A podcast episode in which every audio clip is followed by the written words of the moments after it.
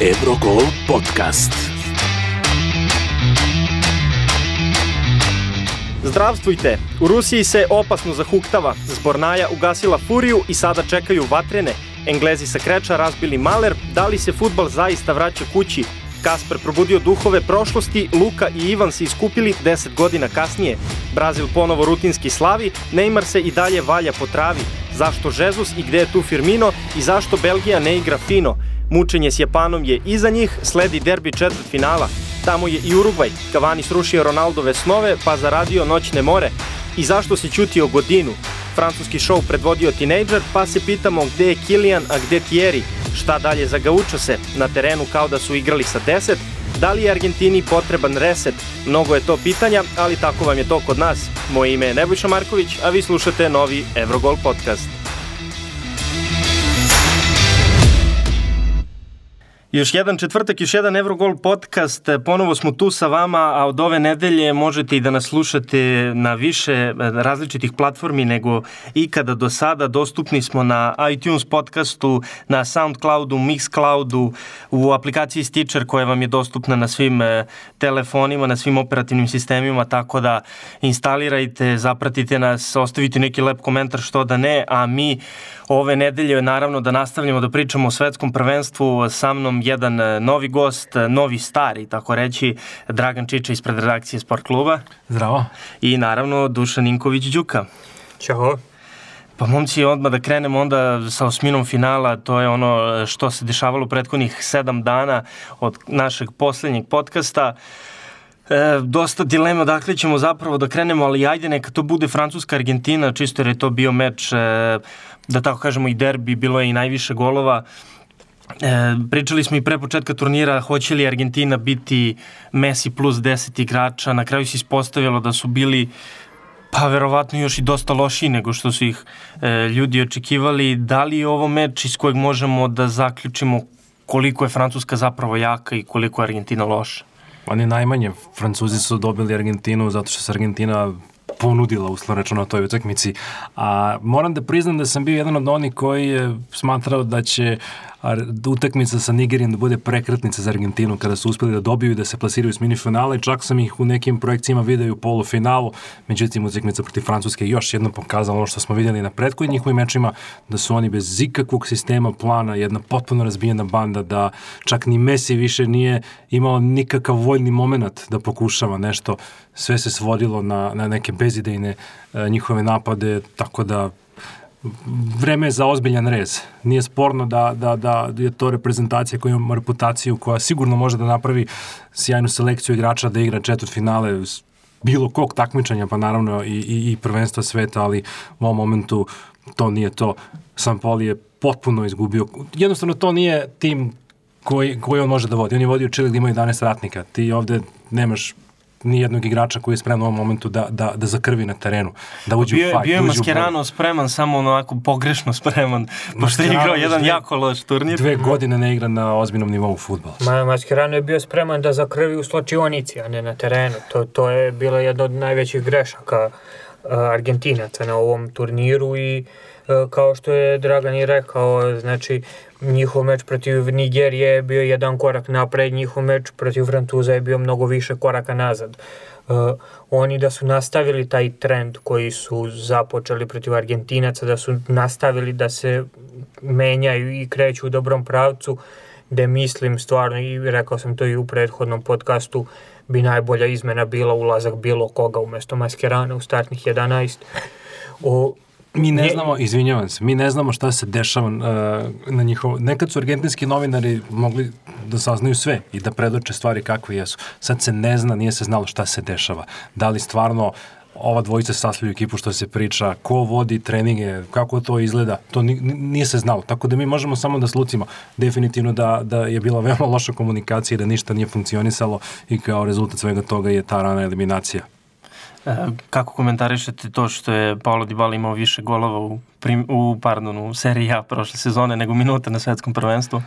Pa ništa novo neću reći, ako se zapitam, zar je moguće da na klupi budu i, i Dybala i Guain, već sam ovde rekao da je za Icardija moralo da bude mesto, ali jednostavno sada je besmisleno pričati više na, na, na tu temu. Da se onda posvetimo malo više pa, sada... Veoma loše iz, disbalans je veliki. Imaš vrhunski napad Tako je. i katastrofalnu odbranu, pritom i odbranu ti igraju igrači koji čak ne igraju na svoj, one Mercado, on u Sevilji igra levog beka, on je ovde, ovo je forsirao formaciju sa tri štopera, tako da sve to meni bilo prilično onako neubedljivo.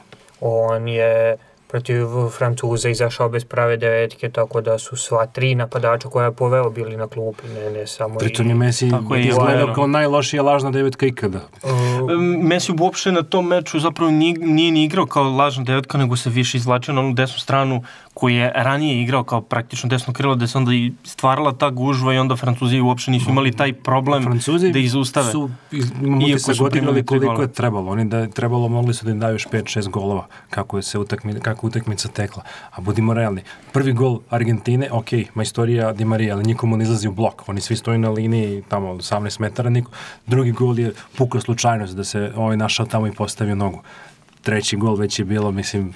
Već je bio rešen Pa tako, ovi otprilike, su već da. vratno slavili pobedu. Zanimljiva je stvar kod napadača Argentine, uh, Aguero je postigao dva gola na ovom turniru i uh, Iguain nije dao gol za reprezentaciju u fazon dve godine, uh, dok uh, Icardi i uh, Dybala zajedno imaju 17 mečeva za reprezentaciju i još uh, nisu postigli gol, ni jedan od njih dvojice. Uh, u takvom sistemu neko mora da daje golove. Ne možeš da izađeš sa Mesijem kao lažnom devetkom protiv Francuza i da očekuješ da ih pobediš na to što će utakmicu života odigrati Pavon ili Mez. Da, čini se da je tu ponovo Jorge Sampaoli onako pogrešio sa tih početnih 11, ali moramo se... Ako ih je on sastavio. naravno, ali e, moramo se osvrnuti naravno na Francuze i na Kilijana Mbappea koji je imao jedan od onih mečeva e, gde ceo svet počne zapravo da shvata koliki je, koliko je velik potencijal i, i koliko može, iako i to, kao što je Dragan rekao, e, Argentina se i nudila, igrali su i dalje sa onakom e, nerezonski visokom odbranom protiv vrlo brzog napada Francuske. Sad možda ide malo napred, ali evo sad, sada ćemo da ga vidimo koliko je u stvari dobar. Da, Nije mi- sporno da je jedan od najtalentovanijih, ali činjenica da mu je te golove poklonila argentinska odbrana. Bar je 50, 50% je njegovo umeće, 50% je greška odbrane loše pozicioniranje. Prvi gol kada su mu ostavili kompletnu desnu stranu, na tom se zasniva igra Francuske da se oslobodi strana za Mbappé da može da prođe. Da, i bit će vrlo zanimljivo vidjeti kako će to funkcionisati protiv Urugvaja, kako će se Urugvaj tu postaviti, Pa neće- jer neće sigurno neće biti prostor. ovako naivni, ali e, dosta je bilo posle tog meča e, prvo onih podataka kako je on e, drugi najmlađi igrač u istoriji svetskih prvenstva koji je na jednom meču postigao dva gola još od Pelea. E, prvi igra, on je dalje on je prvi igrač francuski koji je postigao gol nakon što je Francuska osvojila svetsko prvenstvo 98. Dakle, toliko je on mlad. E, mnogi igrači ga, to jest mnogi stručnjaci ga upoređuju sa Thierryjem Henryjem, ali mislim da bismo mogli da kažemo da u ovim godinama sa 19 on je bolji nego što je Thierry Henry bio e, sa 19. Naravno, to ništa ne mora da znači, ali evo, Đuka kao veliki navijač Arsenala, da li ti vidiš neke sličnosti između njih dvojice? Pa ne, ja sam više sličnosti Henriju video u Marcialu kada se pojavio nego danas u Mbappeu. To je, to je momak koji svakim svojim potezom liči na Henrija, onim izvijanjem tela, gađanjem donjeg suprotnog ugla i tako dalje. Mbappe nije to. Mbappe je dečko koji je strašno brz, koji je Uh, mislim, koji, koji je šta 180 miliona Ima izuzetne fizičke sa, sa predispozicije. 18 godina, to, to znači nešto. Uh, on će biti fantastičan futbaler i to i možemo njihovu, njegovu karijeru porediti sa karijerom Thierry Henrya nekada u budućnosti, ali po stilu igre ne vidim toliko sličnosti njih dvojice. mislim da taj e, krupan korak je nekako dosta ljude onako e, učinio da da osete neku, da, da primete neku sličnost. Pravi dobre igra- poteze u smislu da je iz Monaka prešao u Paris Saint-Germain, nije odmah otišao u neki Real ili Barcelonu gde bi definitivno stagnirao. On sada konstantno napreduje, igra u kontinuitetu što je vrlo važno i sigurno će završiti jednog dana u nekom još elitnijem klubu nego što je Paris Saint-Germain. E, kratko, da li on vama igrač kojeg možete da vidite kao najboljeg futbolera sveta u budućnosti? Da, Da. Dobro. E, imamo, idemo dalje, ima, bilo je dosta mečeva, posvetit ćemo se utakmici, pa neka bude Urugvaj i Portugal, pošto je Urugvaj upravo protivnik e, Francuske. Očekivali smo tog meča da bude tvrd mnogi, da bude dosadan, ali mislim da smo dobili jedan vrlo kvalitetan meč, e, dva tima gde, gde su i jedni i drugi ponešto pokazali, a opet videli smo tu napadačku klasu eh, Edinsona Kavanija koji čini se da eh, neće igrati meč protiv Francuske zbog povrede, ali eh, njegova dva pogotka onako pravi napadač. Ako ne bude igrao, to će zaista biti ozbiljan hendikep za reprezentaciju Uruguaja koja je prema mom mišljenju pokazala ono što svi znamo, čvrstinu. I taj gol koji su primili u stvari je zato što su ih uhvatili, ajde da kažem, na spavanju, znači nisu se bili pozicionirali. Uh, u postavljanju su ih uhvatili i tako su primili gol. Inače ne vidim kako bi im Portugal iz igre postigao gol, dao gol. Tako da Urugvaj uh, ima izuzetan napad, pozadi znamo šta je i impresioniruje njihov vezni negde nema ni jedne prave zvezde, ali svi su igrači koji su, koji su u sistemu, koji imaju uh, jasne, jasne, jasne obaveze i, i deluju zaista perfektno. E, da, slušao sam... Zamišljam samo kada bi imali recimo još jednu, uh, jednog igrača u veznom redu reputacije Ala Suarez. Znači, tog nekog kvaliteta. Da, to bi onda bilo Čak ne baš... defanzivnog vezistu, nego recimo nekog poput Iska. Bilo bi vrlo zanimljivo videti takvog igrača iza Suareza i Kavanija, ali e, ono što sam ja čuo Slavena Bilića da je pričao za, u britanskim medijima jeste da je Urugvaj e, najjači tamo suštinski gde najpotrebnije imaju dva vrhunska štopera, dva vrhunska napadača i e, da ovaj ostatak tima to onda do, sasvim dobro prati. Da, taj vezni red im je podređeno, ali to oni, oni kada se brane, brane se tako perfektno da, da jednostavno ne dozvoljavaju, ne dozvoljavaju protivniku da im, da im šutira na gol. I to tako uglavnom... i njihov stil igre malo to onda e, sakriva to da im je taj vezni red slabiji od ove dve linije, ali... Gol koji su postigli priznaćeš da je zaista umeće. Jeste. Praktično dupli pas koji su odigrali Cavani i Suarez i kretnja Cavanija nakon što je poslao loptu na Suareza, opet moje viđenje da su to greška spoljnih bekova Portugala. Uh, Levi bek Guerrero je kritikovan od početka turnira i bio je definitivno jedno od najslabijih baš, ovaj, baš karika u timu. Iznenadio me njihov selektor Santo što je na toj utakmici kao desnog beka stavio Ricarda Periru, a ne Cedrika Suareša koji igrao sve prethodne mečeve. Ricardo igra u, u Portu desnog beka, ali on nije desni bek, on je počeo kao desno krilo, pa je prekomandovao na tu poziciju. On je tu kasnije da izađe na blok, bio je idealan centaršut i onda Cavani završava akciju. Zanimljivo što njima to nije prvi ovakav gol. Da, Vrti bio... se internetom snimak gde su u obrnutim ulogama i gde Cavani centrira za Suaresa na drugu da, stativu. Da, potpuno iste pozicije. Na, tako nakon vrlo slične akcije. Da. E, da. Tako da očigledno to partnerstvo funkcioniše na najvišem mogućem nivou. Znaju, znaju se kao da i u klubu igraju zajedno, što rade dvojica štopera njihovih i i oni stvarno deluju kao bedem. Ba, baš Simeoneovski deluje ta odbrana da, kojom diriguje Godin. Pa ja vidim Jimeneza jednog dana pitao se da li će Mbappe biti najbolji igrač na svetu, verovatno, a Jose Maria Jimenez će verovatno biti najbolji defanzivac na svetu, jer sad pored Godina toliko napreduje. Da, lepo napreduje. Upravo je Diego Godin igrač o kojem bih voleo sada malo da porazgovaramo. E, prvo, nešto vrlo zanimljivo. Od avgusta 2011. za Atletico Madrid i Uruguay Godin je odigrao 364 utakmice, 188 e, puta nije bilo primljeno gola u njegovom timu, dakle nešto malo više od polovine. Potpuno nestvarno u Atletiku je osvojio jednu primeru Kup Kralja, Super Kup Španije, e, dve Lige Evrope, dva Super Kupa Evrope, e, igrao je dva finala Ligi šampiona, osvojio i Copa Ameriku sa Uruguajem 2011. Zašto se ne priča više o Diego Godinu kao pa evo Đuka bi možda mo, bio spreman da kaže i najboljim štoperom današnjice, ali što se mene tiče definitivno najbolji taj old school štoper koji je e, pravi ratnik, odrađuje sve što treba, e, ne vidite ga previše u smislu da je on e, Sergio Ramos ili nešto tog tipa. I, nje, i te odbrane u kojima on igra uvijek deluju vrlo čvrsto i, i organizovano. Pa verovatno zato što igra za, za, za ekipu koja ne igra tipičan futbol, jer sad se neki drugačiji futbol forsira, pre svega napadački koji se zasniva na posedu, Atletico igra potpuno drugačije.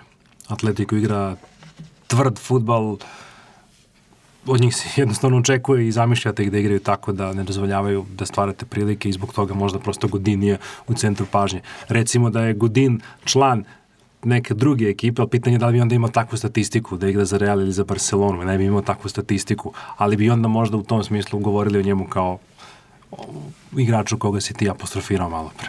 Atletico kao sistem nije, nije mm, omiljen među publikom i zbog toga se njihovim igračima ne ukazuje dovoljno poštovanja. Naprimjer, imamo sličan e, primer, e, mislim, po, potpuno su suprotni, a na neki način slični primjeri sa Borussijom Dortmund od pre par godina. Znači, sistem koji se pojavio nije iz čega, funkcionisao nekoliko godina i svi su ga obožavali. Kod Atletika je to isto tako, samo što ga niko ne obožava jer igra mnogo, po znacima navoda, ružniji futbal od te Destruktivan, e, da. Borusije. Sada, e, kada bismo pričali o Godinu kao najboljem štoperu e, na svetu, njemu bi e, generalno mislim da je mm, premalo kvalitetnih defanzivaca u evropskom futbalu danas. Kad kažem u evropskom, onda odmah mislim i na svetski futbal. E, mislim da im značajno opada kvalitet i mislim da se on tu e, samo održao na nekom nivou na kom je već 7-8 godina, što je dovoljno da ga proglasimo za jednog od najboljih na svetu. Njemu bi jedino to mesto najboljeg štopera na svetu mogao da ugrozi Martin Caceres kad bi sve svoje utakmice igrao za reprezentaciju, a ni jednu za klub, pošto to su dva različita igrača. Jedan igra u klubovima nikako, a onda jedan igra u reprezentaciji najbolje na svetu. Mm, kada bi, kada bi ga analizirali svaki segment igre, onda bi verovatno došli do toga da, da je najbolji na svetu ako gledamo pozicioniranje, čitanje igre, e, reakcije, mislim da mu nema premca. E, tako je, vrlo jedan kvalitetan štoper, nadamo se da će se o njemu malo više pričati. Je Pritom nastav... nije toliko star, što je vrlo važno. Da, on uopšte nije, a već dugo, jako dugo traje Može i sigurno vrlo je... 3-4 godine da igra na ovom nivou. Vrlo je onako, nema te padove neke ovaj, velike, to, to ljudi Generalno zaboravljaju. njegova karijera ne oscilira mnogo, on je na, na tom nekom prepoznatljivom nivou i, i to radi. Ali da, evo, interesantno, sad si nam dao šlagvort. ka- Prosto mi je teško da ga zamislim sad u nekom drugom klubu. Da li bi igrao tako? Kako? Pa prvo mi je zam, teško da ga zamislim drugo. Imali Da. smo sličan primer sa Bonućijem koji je bio najbolji defanzivac sveta u Juventusovoj odbrani, a onda u prvim mesecima u Milanu izgledao kao lošiji od Musakija, od Romagnolija, od igrača sa kojima je tamo bio u Činjenica, tandemu. da. I uzeo je kapitensku traku u Milanu i kao kapiten bio verovatno najlošiji igrač tima u tih prvih nekoliko meseci dok se nije potpuno privikao na, Da, ali na Milan je klub. posebna priča. Da, da, ali on je i sada mnogo ispod forme koju je posjedovao u ovom periodu prošle godine. Apsolutno se slažem. E, dobro, nastavljamo dalje. Utakmica Engleske i Kolumbije bila je e, poslednja u ovoj osmini finala.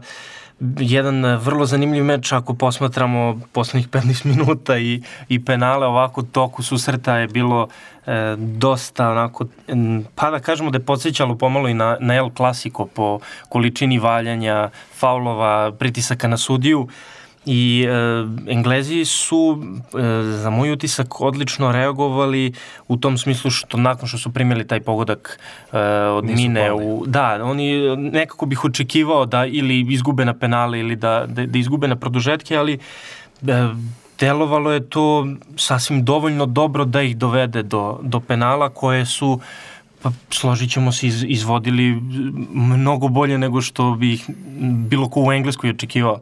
A Engleska je isto onako jedna vrlo zanimljiva sad reprezentacija i tema, mogli bi da analiziramo kako su se pripremali, sa kojim ambicijama su krenuli i šta su do sad pokazali. Činjenica da ih je Kolumbija poslednjih desetak, 15 minuta te utakmice baš pritisla, nadigrala i da Kada gol, su videli da moraju da igraju. gol je visi u vazduhu, da. Uh, postigli su gol zasluženo, ja nisam očekivao da će se nešto promeniti u produžecima, što se i desilo, a ne, pretpostavljam da znate da su Englezi vežbali penale i to odavno se pripremaju za Da, da, čuo sam Iako- neku priču da ih je čak i tokom kvalifikacija Southgate na tim okupljanjima terao da šutiraju penale. I čini mi se da su svi, Svestan da će ih izvoditi nekada u svi su šutirali, ajde, ne mogu da kažem školski, ali su izvodili udarce koji su najteži da, za branjenje. I jednostavno morali su da probiju tu barijeru. Sam Southgate, Southgate je, ili tako, promašio na penal 96. Šeste, tako, tako je. je. Što je jedino, jedina pobeda na pena... Oni su te 96. imali jedinu pobedu na Da, pre penal. toga su Pre imali- toga, da, da. tako je. Ovo je bilo polufinala, A nakon po, toga po, nisu pored, toga, dobili. je- pored toga imaju šest poraza u penal serijama na velikim takmičenjima. Baš im je to bila onako velika frustracija i sada kada su to probili, zaista mislim da mogu da napravi korak više na ovom prvenstvu. E, Činjenica da, da, da je to jedna selekcija koju ja vidim recimo tek na nekom sledećem prvenstvu da može dostigne svoj zenit. Da je tako Da, selektirano. dosta mladih igrača, dosta onako se, kao da se vidi to građenje, ovaj, nisu sad nešto hrlili da idu sa nekim velikim pretenzijama na Da. ovaj turnir, ali su uveli nikad dosta novih igrača. Neke euforije su ispraćeni od strane prilično Euforične. nerealne, da, Tako je. euforične engleske javnosti.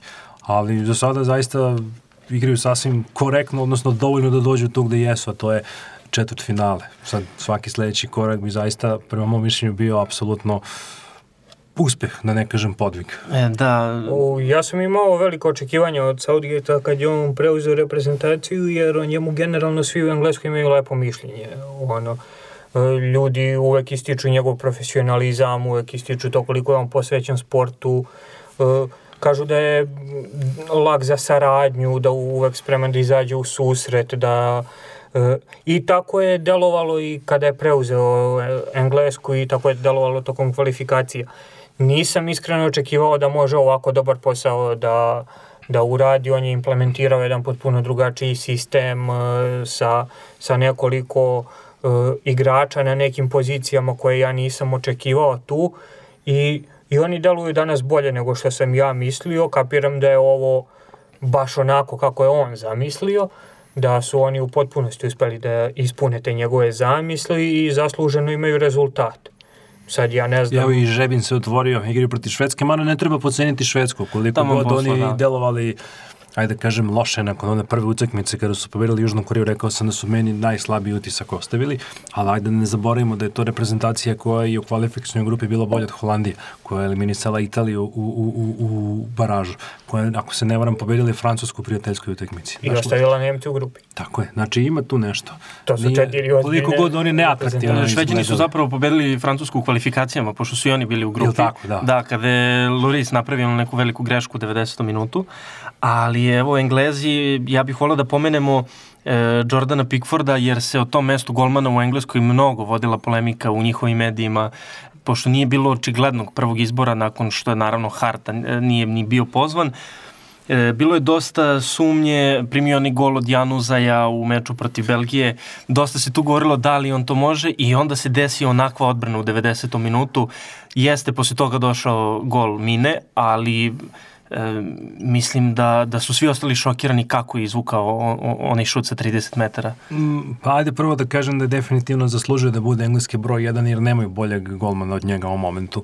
E, ima izuzetnu radnu etiku, a takođe mm, ono što pokazuje jeste da je psihološki vrlo jak, jer on je branio za, za Sunderland koji je te sezone ispao iz lige. Imao je, ja mislim, najveći procenat odbranjenih udaraca u Premier Ligi prešao je u, u drugi klub gde je zadržao tako dobru formu, a sve vreme je bio pod određenim pritiskom jer su svi očekivali da on bude posle takve sezone u Sunderlandu da zadrži tu formu jer on je budući broj jedan što se na kraju desilo i apsolutno zaslužuje sve pohvale za to što je do sada napravio i vidim ga narednik pa možda i 10 godina na golu reprezentacije Engleske. Da, da, sasvim sigurno je ono lepa je ta priča o Niku Poupu i o njegovom putovanju od osme lige do premijer lige. Da, nije realna. O, nije realna. Ovamo je Hiton celu sezonu bio povređen. Hart je trenutno malo lošiji golman od mene. Butland je li tako drugi golman? Malo loše. Da moram da priznam da, ga sam, da sam ga imao i na fantaziju. Pickforda. da.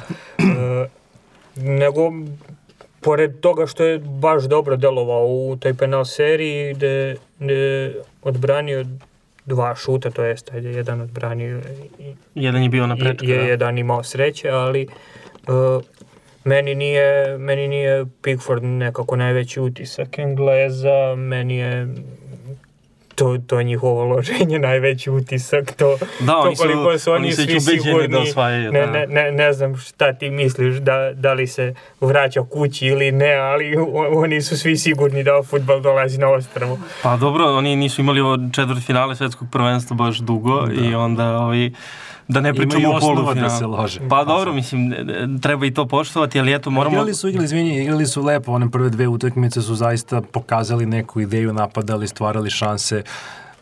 Ok, ono protiv Belgije je malo, pomalo bilo i neprijatno, jer su se jednostavno takmičili koja će ekipa da izgubi. Ko će na Japan, da, Je, da. jedino Adnan Januze nije bio svestan da, da njegovi ne treba da pobede na tom meču. Može pogrešno da se protumači ako kažem da su ih Englezi namestili, ali ajde. To je moj utisak, da. Pa jeste, ne, ne, nije, nije to... Kao prividno su napadali, a u stvari nisu radili Nije, ništa. nije to ništa, ništa o čemu Southgate nije pričao, znači on je, Da, i on je Roberto na Martinez je to konferenciji, rekao on je čak da. na konferenciji rekao da je srećan što su u toj polovini žreba, mislim, zadovoljni su kako se taj meč završio. Da, i Martinez je spomenuo da u tom meču neće biti prioritet da pobede, što je jako čudno čuti na svetskom prvenstvu, ali... e, Ja- Jan Uze godinama bio član Manchester Uniteda i tek na ovom prvenstvu napravi najbolji potez za engleski futbol koji je mogao da, da napravi. Moramo spomenuti Harija Kejna, on je postigao šest golova i za to mu je trebalo samo devet šuteva. Ok, bilo je tu jedno tri penala ili tako nešto. Bio je tri jedan, penala i ona jedna peta. I ona jedna peta odbitak, ali svejedno da... Da, tako, sve golove si iz 5 metara, ne mogu da se setim. Ima dva se seća na neke, neke bitke. Ne, ne, tu pa- se- tamo bile su one dve glave protiv e, Tunisa e, posle kornera. U stvari ne, jednom, jednom je bilo glavom, oni prvi je bio nogom kad je natrčao, kad, se, Da, kad su bili jedan je odbici. bio tu, Ali se svejedno, njemu je ovo tek e, prvi mundijal, nekako se sve tako namestilo.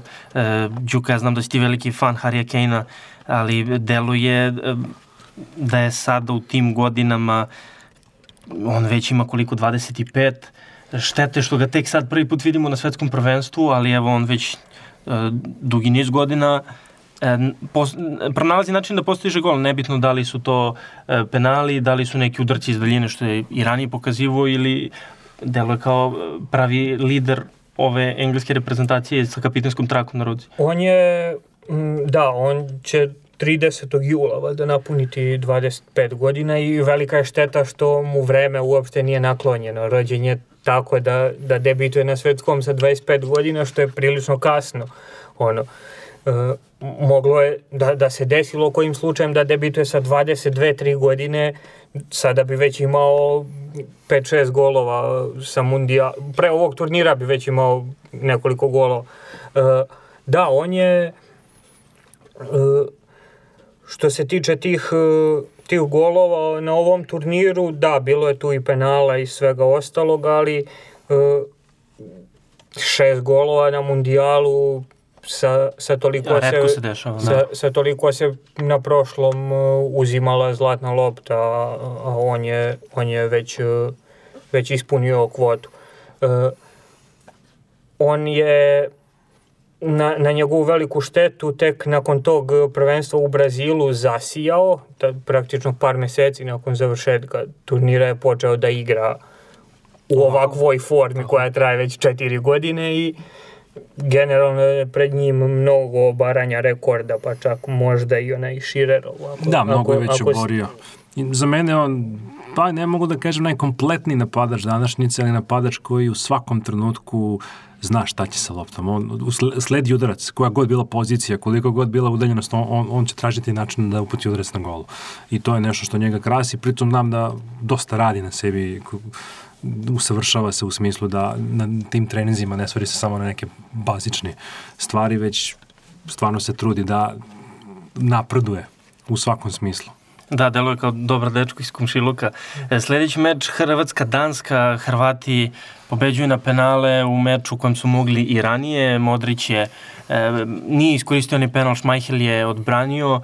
Tada se je verovatno svim u Hrvatskoj e, vratila na 2008. godini penali protiv Turske na Evropskom prvenstvu, kada su i Modrić i Rakitić e, promašili svoje penale, ali u toj penal seriji prvo ih je spasao Subašić, a onda, onda, je, onda su i Modrić i Rakitić postigli svoje golove.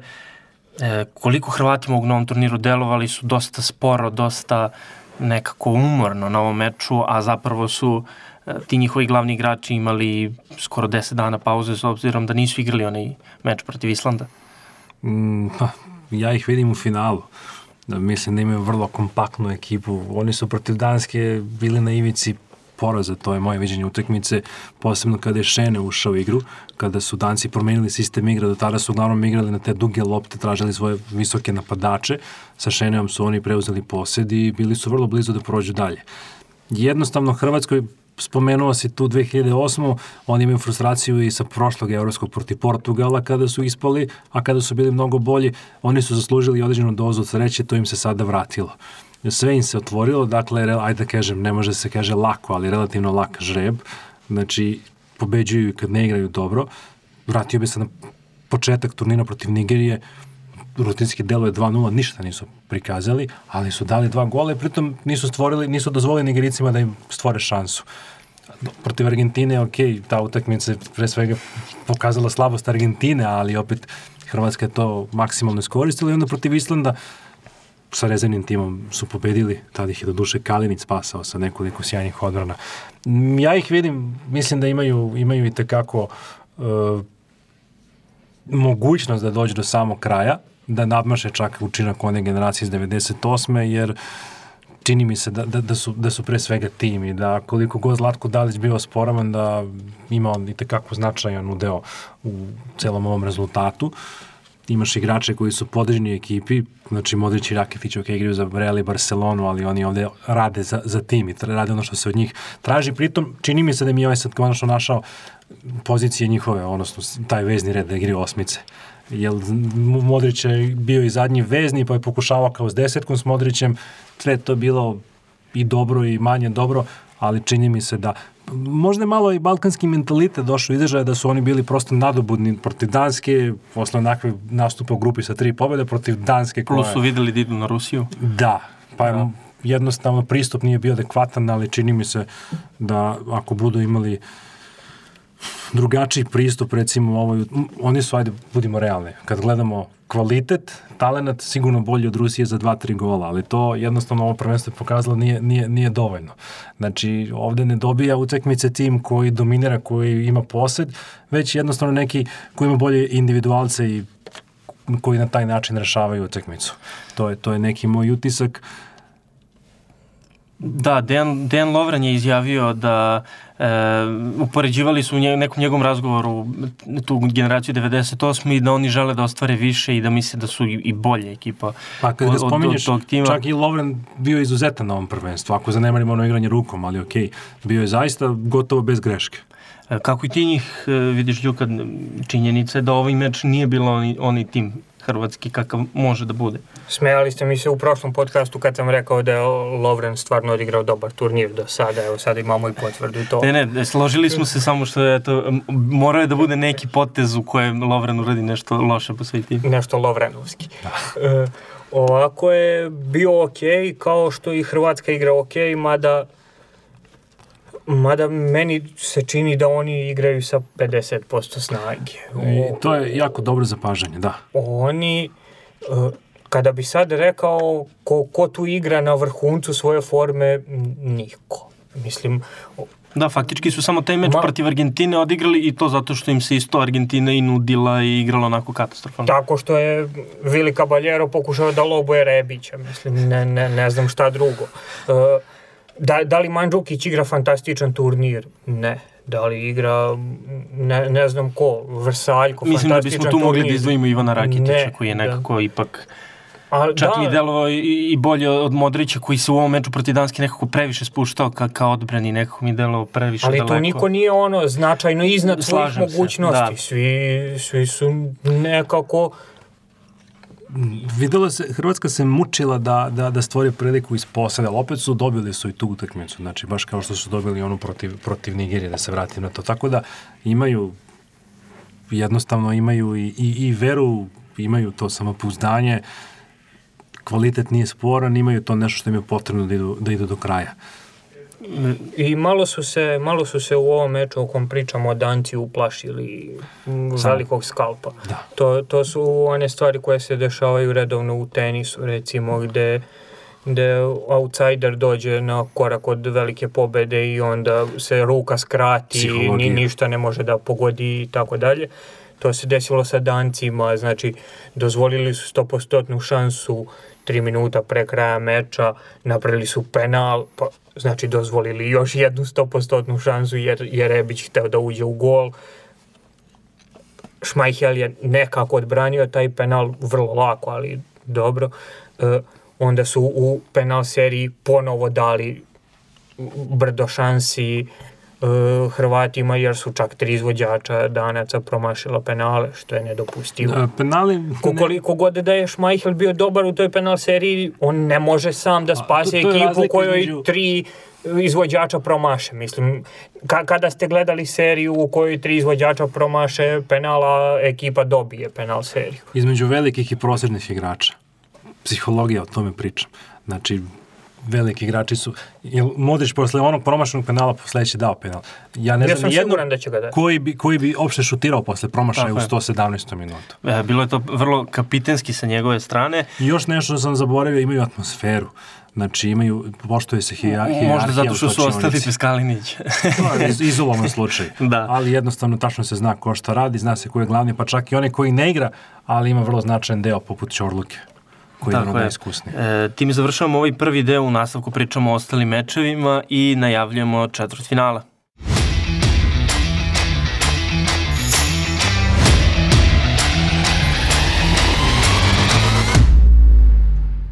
Nastavljamo dalje. Sledeći meč o kojem pričamo je meč Rusije i Španije.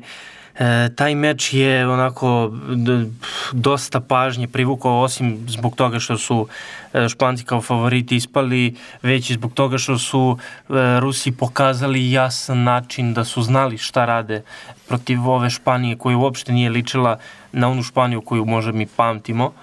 E, Rusi eto stižu do četvrt finala e, kako bi, kako bi ti Dragane ocenio e, rad Čerčesova koji eto e, izašao je sa tri štopera, ali je tačno znao šta želi time da dobije. Mm, Svestan je limite ove, ove ekipe i tako postavlja igru i oni nisu pokazali apsolutno ni malo želje da, da, da se nadigravaju sa Španijom, a vrlo kratko bih definisao igru Španije, odnosno karakterisao njihov nastup, ne može se bez trenera. Bez obzira na posle, dominaciju, pasove, vi niste stvorili šansu jer jednostavno ne znate šta trebate da radite. Nas, bez obzira na sav individualni kvalitet, ne znate šta trebate. Nema ko da kaže kako da se odigra na kraju. Da, to je definitivno to- to- jedno od većih iznenađenja ako izuzmemo eliminaciju Nemačke, tako da To kako oni nemaju trenera se posebno videlo u penal seriji gde gde mu je Kosta objasnio da Koke ne sme da šutira penal jer će promašiti, a onda se na kraju to i desilo, pa je Kosta išao po terenu i govorio ja sam rekao, ja sam rekao na, na kraju te penal serije. Inače, što se tiče Rusa, e, jedina stvar koja meni smeta kod njih je minutaža za Smolova, čoveka koji nije odigrao ne ništa na ovom turniru, nego bukvalno bi Rusi bolje izgledali da igraju s desetoricom nego s njim. E, te minute koje on dobija ne troši nikako. E, Rusi su prijatno iznenađenje turnira, ja iskreno nisam očekivao od njih mnogo, mislio sam sam ubeđen čak da da će se nije- boriti za, za prolazak u grupi, da, da će Da nisu- mnogo bliži Egiptu i Saudijskoj Arabiji ne, nego polufinalu mundijala, ali očigledno da, da situacija nije baš takva. ja sam ubeđen da nisu, Imaju svoje šanse protiv da nisu Hrvata. domaćini da ne bi ni igrali svetsko prvenstvo. Mm, Da, mi, mi Da, na, najlošije plasirana su reprezentacija na FIFA Pa listi dobro, od imali učesnika. utakmice. Da, da. Nisu imali kvalifikacije, da.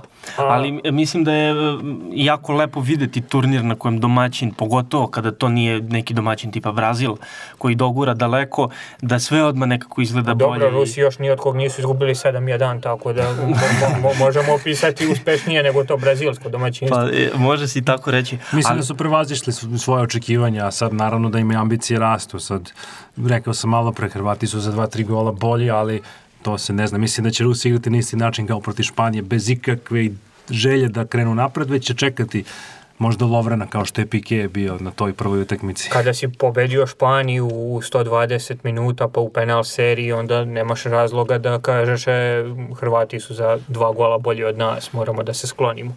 E, tako ne, je, ne smeš da se skloniš. I, I Španci su delovali vrlo onako otupljeno u svojoj igri, vrlo je bilo teško za gledanje zato što faktički ništa nisu ni pokušavali sa tom loptom koju su imali i to se tako onda i završilo onako kako se završilo.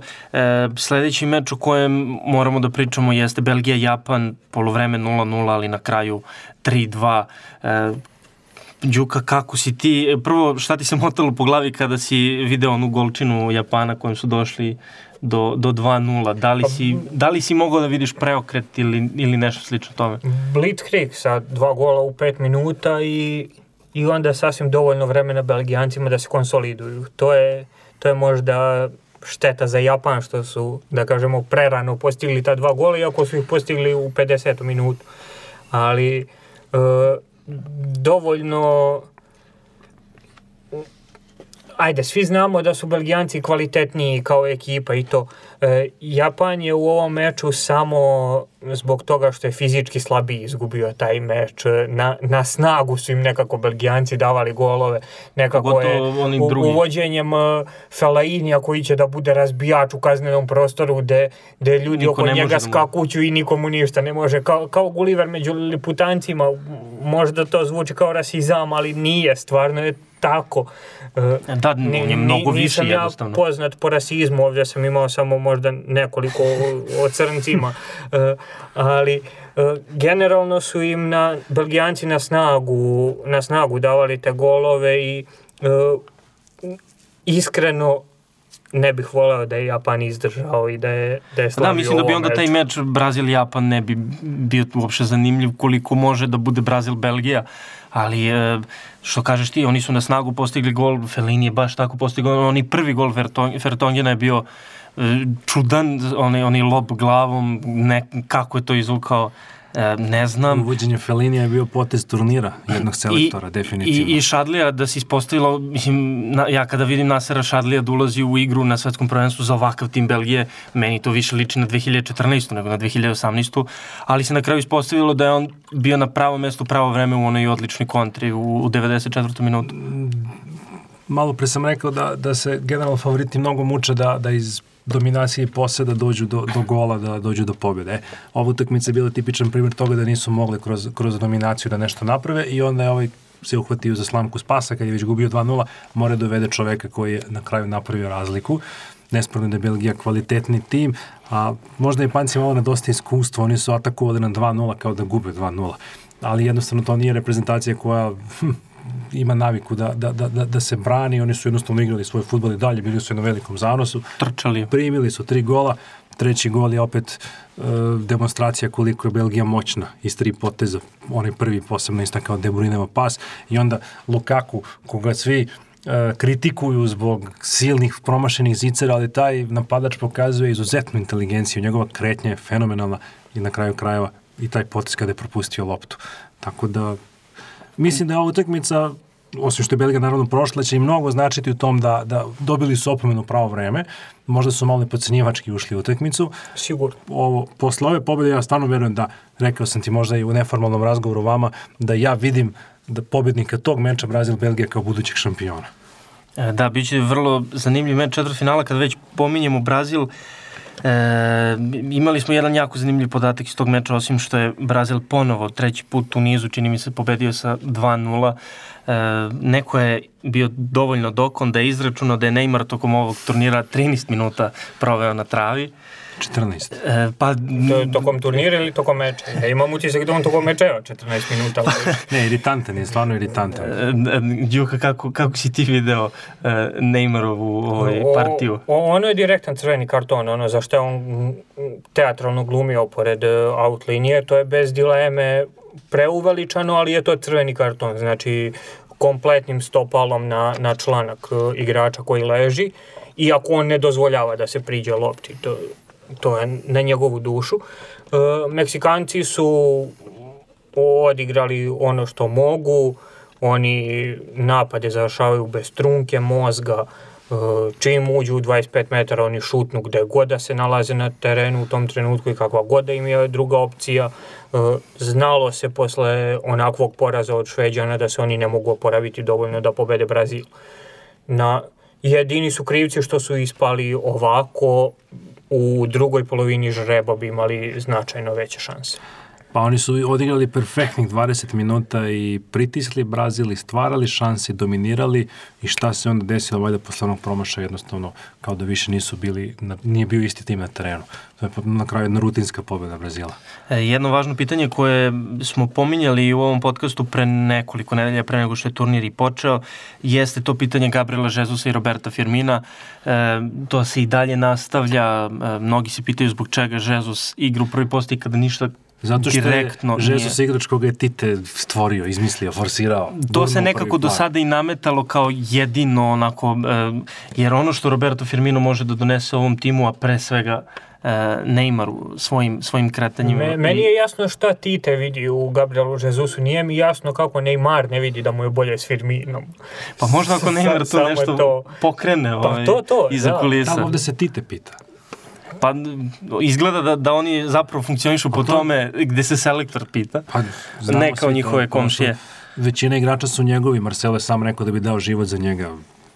I tu ima još par igrača koji jednostavno staju ispred Tita i kažem igramo za njega, odnosno... Moj utisak s ovim Brazilom je osim što su ova tri meča poslednje koji su dobili, dobili rutinski, e, iako su se mučili sa, sa Kostarikom, realno su bili dosta bolji tim, Moj utisak je da e, upravo zbog toga, e, zbog te situacije, oni mogu još dosta bolji da budu i e, da ne verujem da će se desiti, ali, ali recimo mislim da bi, da bi Firmino mogao napravi dosta problema ukoliko bi dobio priliku protiv Belgije, da bi time Brazil postao još, još bolji.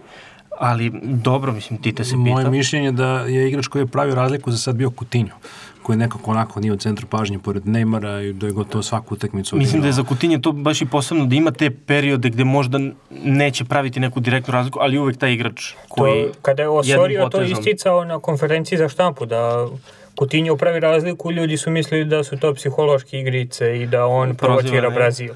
U stvari, Tako je je to se svodi nešto što može da bude tačno. Na Neymaru, da li će on nešto, da li neće. On osjeća se taj pritisak, ali on sam svojim ponašanjem na terenu izaziva izaziva Do, dovoljnu dubinu ima dovoljnu dubinu ima Brazil da ne mora sve da zavisi od Neymara. Do, dovoljnu dubinu ima da ne mora sve da zavisi od Kazemira, jer eto on je upario kartone i sada ga neće biti protiv Belgije ako se ja ne varam. A oni imaju zamene, mislim, ništa se kod njih neće stravično promeniti time što ne igra. I za kraj ostavili smo pravi onako spektakl u kojem su svi uživali, Švedska, Švajcarska, e, Šveđani su uspeli da prođu 1-0 Forsberg, kako ste videli taj meč, onako prilično neinteresantan. Ovo je jedini meč knockout faze i jedan od svega tri valjda meča koji ja nisam gledao na turniru jer sam shvatio da neće biti ništa da se vidi pa, pa sam to vreme iskoristio za put od posla do kuće. Nije Ta, tako da neću imati neki komentar. Ništa se nije ni videlo, jednostavno jedni drugi su videli tako čekajući da neko da ovaj drugi pogreši da se nešto desi. Tako da, ajde da kažem da je manje, što kažu, manje loš tim je prošao dalje. E, dobro, onda e, odmah da se usredsredimo na mečeve četvrtfinala koji se igraju u petak i subotu. Prvo otvaraju Urugvaj i Francuska. Ovo bi mogao da bude i najinteresantniji meč, možda najinteresantniji spoj timova, posebno zbog toga što bi Urugvaj mogao da bude vrlo tvrd orah za Francusku koja misli da može daleko. Pa potentan napad Francuske protiv najčvršće odbrane na turniru Urugvaja. Zaista Urugvaj je pre svega pametna reprezentacija predvođena fantastičnim trenerom koji vrlo lepo priprema utakmice i neće dozvoliti Francuzima da, da, da igraju neku svoju igru, tako da mislim da će Francuzi imati ozbiljnih problema da dođu do, do, do, do gola. A sad na drugoj strani sve zavisi od trenutka inspiracije izgleda samo Suarez, ali možda će on biti dovoljan. Meni bi sad vremena bilo malo da pričamo o Urugvaju. Uh, oni su mene baš kupili ovim turnirom i... Ali dobro, nije da nisi verovao u njih. Uh, jesam, jesam, da, i, i čak i nakon ona dva uh, leda izdanja u prva dva kola, uh, verovao sam da će oni promenom formacije u 3-5-2, što je ključan moment njihovog turnira, uh, postati bolja ekipa i stvarno se to desilo. Oni su napravili recimo uh, mesta na levom boku za jednog Laksalta koji je koji nije ni u top 5 zvezda u tom timu, a opet igra fantastičan turnir jer igra na svojoj poziciji. Uh, sa, sa 4 4-4-2 što su igrali u prva u prva dva kola oni su delovali bezidejno, imali su previše centralnih veznih, e, čak su im i ta krila bila u stvari centralni vezisti i nije, nisu mogli da dođu do izražaja. Sada izgledaju mnogo bolje i imam velika očekivanja od njih. Samo kratko, apropo prve dve utakmice, ili da ne kažem sve tri u grupi, moj utisak je da, ali nisu potrčali 100 metara više nego što je trebalo. Da, da. Da, dobro je onaj meč protiv Rusije bio takav da tako se sve da. otvorilo, da nije, nije bilo potrebe da tu nešto jurišaju. E, pobednik tog meča ide na pobednika meča Brazil-Belgija.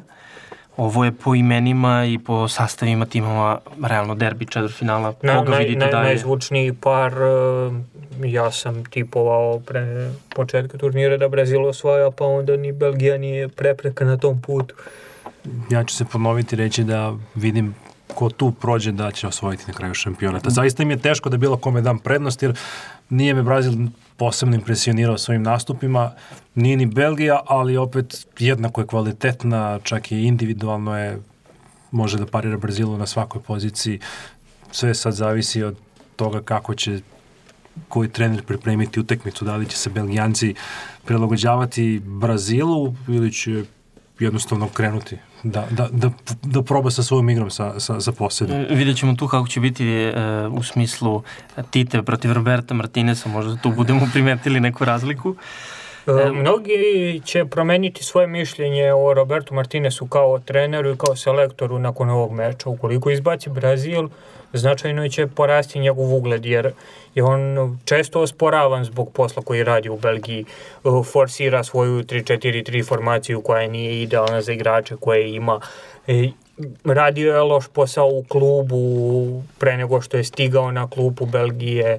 Uh, baš bi ovaj meč mogao njegovu karijeru da zaokrene za 180 stepeni.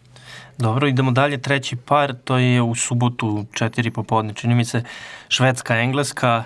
Pominjali smo hoće li se uh, futbol vratiti kući. Me, meni je a... neverovatno zanimljivo kako uh, Englezi navijaju za Engleze, a Il, Irci, Škoti i Velšani navijaju za njihove protivnike i onda na, Prava unija. na, na društvenim mrežama uh, se svakog uh, dana ili na svaka tri dana menjaju nikovi tako što se u, u njih ubaci zastava sledećeg protivnika mhm. engleski. I sada, sada englezi kažu ne znaju da li, da li Velšani koriste zastavu Švedske zato što su samo u Švedskoj učestvovali na mundijalu ili zato što nije, navijaju za Šveđane.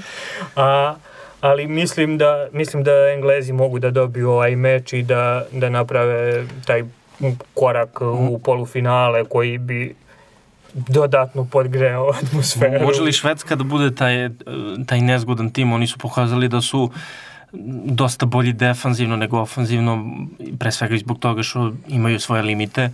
Da li to može da spreči ove Engleze koji i protiv Kolumbije jesu bili u dobrom delu meča bolji, ali ništa spektakularno nisu igrali, ništa nisu preterano velike šanse stvarali od te dve reprezentacije sigurno su Englezi pokazali više, a od svih osam u četvrt finalu su Šveđani prikazali najmanje na ovom prvenstvu, ali malo pre sam rekao da su imali veoma dobre rezultate kada igraju protiv na papiru jakih reprezentacija mo moćnih, tako da zaista ne znam. Dajem prednost Englezima jer su jednostavno bili bolji, pokazali su želju, stvarali su šanse, ali zaista ne bih smeo da otpišem Švedsku posle svega što su već uradili. Vidio sam zanimljivu anketu kod Vlade Novakovića koji se pita kako će Šveđani postići svoj sledeći gol, da. pošto se njima sve neverovatne stvari desile. Vidim, znači, njihov... autogolovi, penali, da. čuda koje kako. Najbolji igrač Fosberg je sad post, postigao gol i malte ne smo ga tek sad videli na ovom turniru. Pa da, on je imao dobru sezonu u, u Leipzigu i pominjalo se da ga traže neki veći timovi, ali sa ovim turnirom... Bio na letanju tokom grupne faze možda, pa, pa, pa, pa sad stižu. Dobro, imali su ono drugo poluvreme protiv Meksika, to im je bilo dovoljno. Kad se Meksiko... Ovaj... Da, kako su tu golovi padali, znači... to je, da. Da, pa pričao sam u prošlom podcastu kako, kako su Meksikanci treći gol dali autogol rukom. Sami se. da, potpuno nevjerojatne stvari i uh, taj četvrti meč e, domaćin Rusija protiv Hrvatske, znamo ko je ovde nominalno favorit, ali e, mislim da se igra u Sočiju, ceo stadion će biti uz domaćina, da li vi ovde vidite Hrvati ili mislite da Rusi mogu da nastave dalje? A ne mogu Rusi ceo turnir da se provlače na isti način, pa moraju bar malo želje da pokažu da igraju.